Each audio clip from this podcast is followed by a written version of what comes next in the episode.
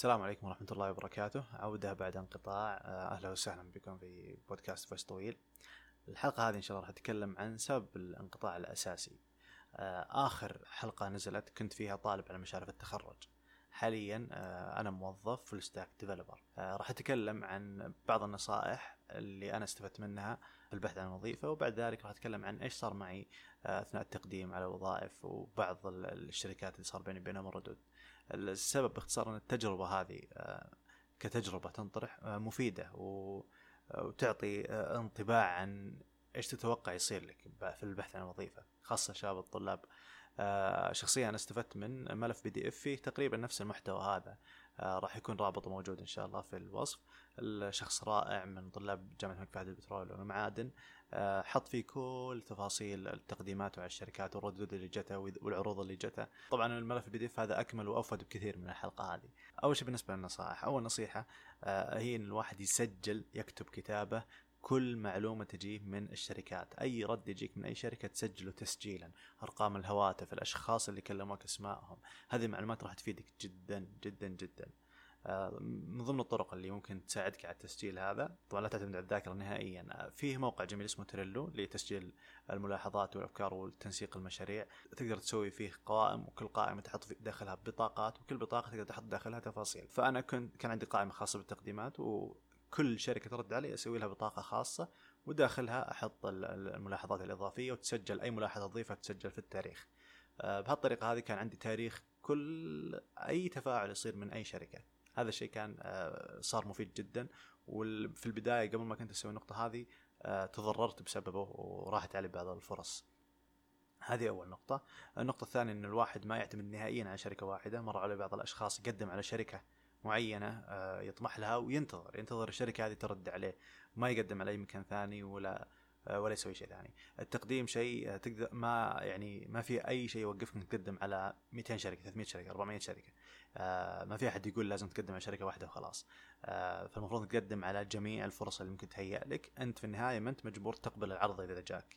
ما تخاف إنك تقدم على شركة مثلا أو يجيك منها عرض غير مناسب لك أو حاجة زي كذا أنت ما أنت مجبور. فقدم على جميع الشركات جميع الفرص اللي داخل دائرة البحث حقك قدم عليها لا تتنازل عن أي شيء لأنه سبب عدم الرد عليك في أسباب كثيرة كثيرة جدا وبعضها يعني أنت السبب فيه تقصير منك أو ضعف فيك أو أو خطأ منك وبعضها مالك أي دخل فيه مالك فيها أي حيلة فلا تعتمد نهائيا على شركة واحدة. هذه النقطة. الثانية النقطة الثالثة بخصوص الطموح أن الواحد ما يأث يعني آه، في بعض الشباب يشوف أن يعني يتفق مع الشركة بعض الشركات ان الوظيفة منا عليه ونحمد ربنا إنه جاء عرض وظيفي. حتى بعضهم يرسل لك مبروك جاك عرض وظيفي وهو عقد تشتغل بينك وبينهم. فهذا أقصى اليسار. وفي أقصى اليمين بعض الشباب يقول أنا درست وتعبت وأنا حصلت على معدل وكذا فأنا ما راح أقبل بوظيفة إلا اللي أنا تناسبني إلا الوظيفة اللي قد طموحي. هذا أقصى اليمين أيضا. أنت في النهاية ممكن تجلس في البيت بسبب هذه هذا التفكير. فشخصيا أنا عشان ما اقع في المشكلة هذه حطيت لي خطة. إن شاء الله إنها تناسب البعض وممكن ما تلتزم بال بالأرقام اللي بقولها الآن. بس الخطة بشكل عام أشوفها مناسبة. باختصار أنا الآن خريج علوم حاسب وتخصصي الدقيق هو البرمجة. أنا ال developer أبحث عن وظائف ال development. فهذه الدائرة القصيرة. عندي بعض الشروط البسيطة ما هي شروط مرة كبيرة من ناحية الراتب المكان والوظيفة أنها تكون في هذا المجال. فحطيت لي أربع شهور. أربع شهور أقدم على أي وظيفة في حدود هذه الدائرة. آه، أي وظيفة ثانية أرفضها. أو أجي للمقابلة وفي المقابلة أقول تراني ما أبغى ما أبغى الشغلة هذه أنا أبغى ديفلوبمنت وهذا الشيء سويته. بعد أربع شهور والحمد لله أنا ما وصلت المرحله هذه لكن هذه كانت الخطة إنه بعد أربع شهور أبحث لمدة أربع شهور أخرى عن أي وظيفة توظف فيها بشهادتي يعني في المجال التقني. حتى لو ما كان development في ال cyber security مثلا في ال database administration في ال IT support كلها تخصصات جميلة لكنها من اللي أنا أميل لها. أكبر دائرة البحث. الآن بدل ما أني أبحث فقط في تخصص دقيق أبحث في أي شيء له علاقة بالتقنية. إذا انتهت حتى الأربع شهور الثانية الخطة كانت إني أجلس أربع شهور أخرى طبعا مو أربع شهور أقعد أبحث عن أي وظيفة ايا كانت. في أي تخصص كان. طبعا ما حد راح يقبلك في تخصص دقيق يعني ما حد راح يقبلني في وظيفة هندسة ميكانيكية ولا لكن ممكن أنقبل مثلا في وظائف المبيعات في المطاعم في التسويق الكاشيرات أي وظيفة كانت. الهدف إنه ما يجلس الواحد في البيت. آه هذا يعني بعض النصائح البسيطة. طيب أنا شخصيا إيش صار معي؟ اقتداء يعني في ملف ال PDF. أول بدء في البحث عن وظيفة كان قبل التخرج أثناء يوم المهنة بجامعة الملك فهد للبترول والمعادن. آه، هناك رحنا كان في شركتين إحنا جينا اليوم الثالث أنا ومجموعة من الشباب. اليوم الثالث اللي هو اخر يوم آه، مع ذلك كان في شركتين تبحث عن موظفين آه، في تخصص العلوم الحاسب. فرحنا لهم. الشركة الأولى كانت ديلويت واحدة من ال Big Fours في في الاستشارات. وكان هناك في شخص رائع. أول ما قابلنا كيف الحال؟ تخصص علوم حاسب إيه. فمن ضمن الاشياء الغريبه اللي لفت نظري إنه قال لي عندك GitHub طبعا كلكم تعرفون ال Git وال Git مشهور ولا, ولا الأغلب عندهم مفترض. فلما قلت له إيه كان في تفاجؤ منه كان في ردة فعل إيجابية وكانه شيء مستغرب. أنا هذا الشيء يعني استغربت منه آه واعزو السبب إن أي آه، متخصص علوم حاسب مبرمج آه على قولتهم موسخ يدينا بدأ يشتغل بالبرمجة وعنده جيت هذول أغلبهم خلاص توظفوا وانتهوا أو ضبطوا أمورهم فما يجون اليوم المهنة والأماكن هذه. عشان كذا هو تفاجئ لأنه هو ما مروا عليه ولا هم موجودين.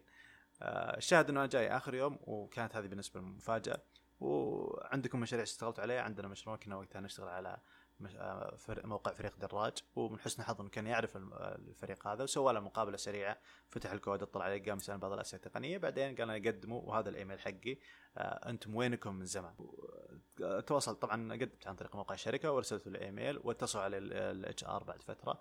كان في بعض الأسئلة وبعض يعني جمع معلومات ونسق لي إنه بعد أسبوع راح يكون في مقابلة تقنية طويلة مدة آه، ساعة مع نفس الشخص هذا.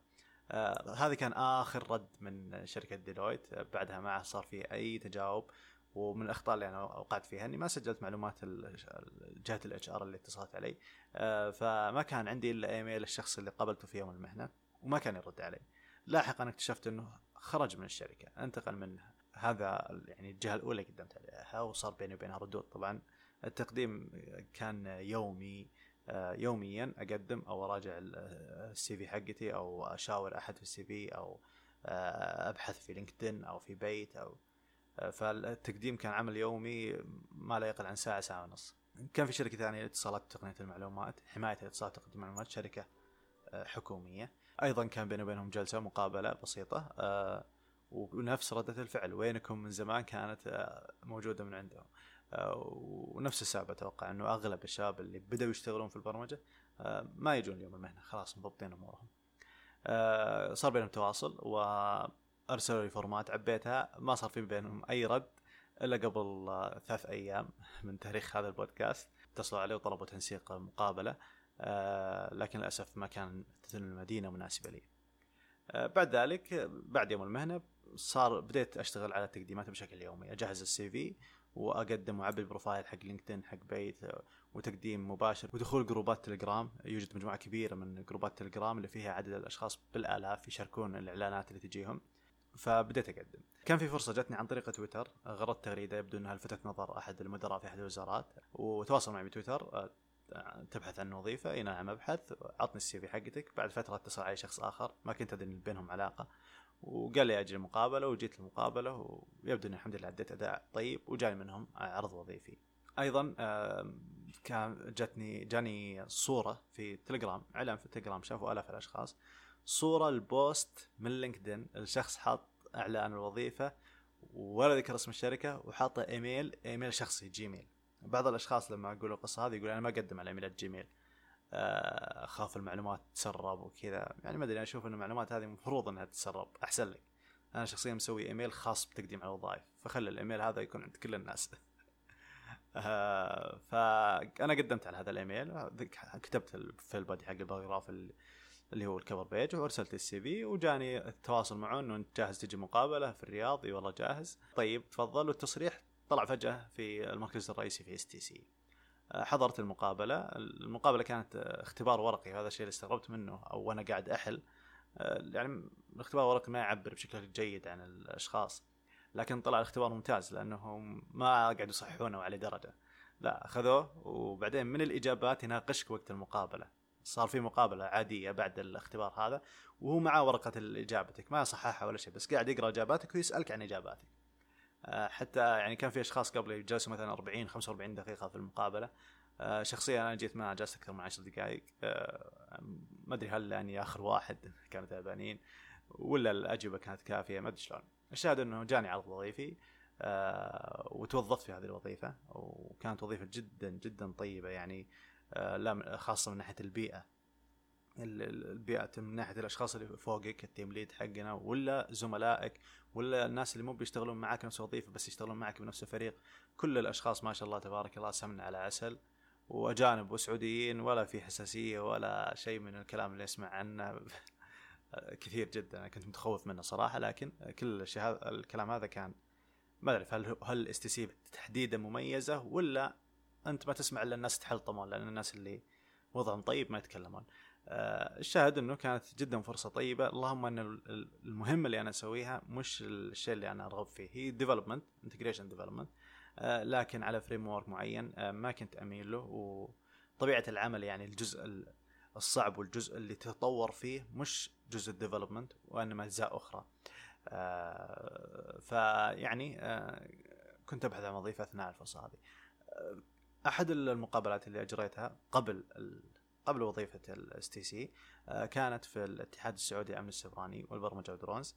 الوظيفة كانت full stack development لكن أثناء المقابلة اتضح أنها في كتابة المحتوى وتجهيز الدورات آه لل full stack development آه طبعا أنا في الجامعة كنت أدرس آه teacher assistant مساعد للدكتور السنة كاملة فيبدو ان هذا الشيء اللي لفتهم. آه أثناء المقابلة يعني طلبت من الشخص اللي كان يقابلني انه والله أنا صراحة غير مهتم في المجال هذا وأنا ابحث عن وظيفة development كان متعاون الله يعطيه العافية. بعد يعني ما اصريت على النقطة هذه آه قال لي أجل عندك نسخة ثانية من ال CV أعطيته النسخه الثانية ونسقوا الله يعطيهم العافية من بكرة مقابلة مع فريق ال development اللي يشتغل معاهم. والحمد لله جاني منهم عرض وظيفي آه وخرجت من STC وانتقلت إليهم. آه هذا باختصار اللي أنا صار معي أثناء التقديم والتوظيف. بالمختصر في أماكن كثيرة قدمت عليها ما جاني منها رد في أماكن قدمت عليها جاني منها رفض في أماكن رحت لها وبالمقابله بعد المقابله ما جاني منهم أي رد. آه ولكن يعني آه هذه يعني الدنيا طبيعي ما راح تكسب كل شيء.